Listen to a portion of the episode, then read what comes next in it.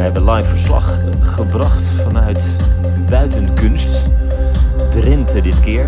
Wat is er mooier in deze zomer om lekker in Nederland te kunnen zijn, niet ver weg te hoeven.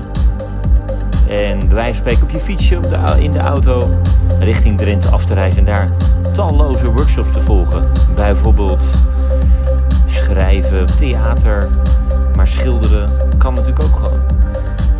Gisteren zelfs een hele groep horen rappen. En echt op topniveau.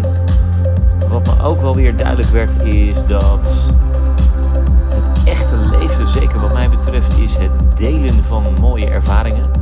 Of lelijke ervaringen. Want mooi is natuurlijk subjectief en dat doet er eigenlijk niet zoveel toe. Maar vooral het delen van ervaringen met anderen, met elkaar. Als je dat bij elkaar hebt, dan heb je zelfs je mobiel niet meer nodig. Die kan gewoon in de tent blijven liggen. Voor mij in ieder geval een van de weinige momenten dat ik mijn telefoon gewoon echt niet meeneem. Of hoef te nemen ook. Omdat je toch iedereen al ontmoet. De zingeving zit al in de dag, in de workshops. En het weer was ook nog eens mooi aanwezig. En zelfs corona was daar ver weg. En daar kunnen we toch wel vanuit Corona Radio heel blij mee zijn. Ik wens jullie allemaal nog een hele fijne zomerse dag. Groetjes thuis.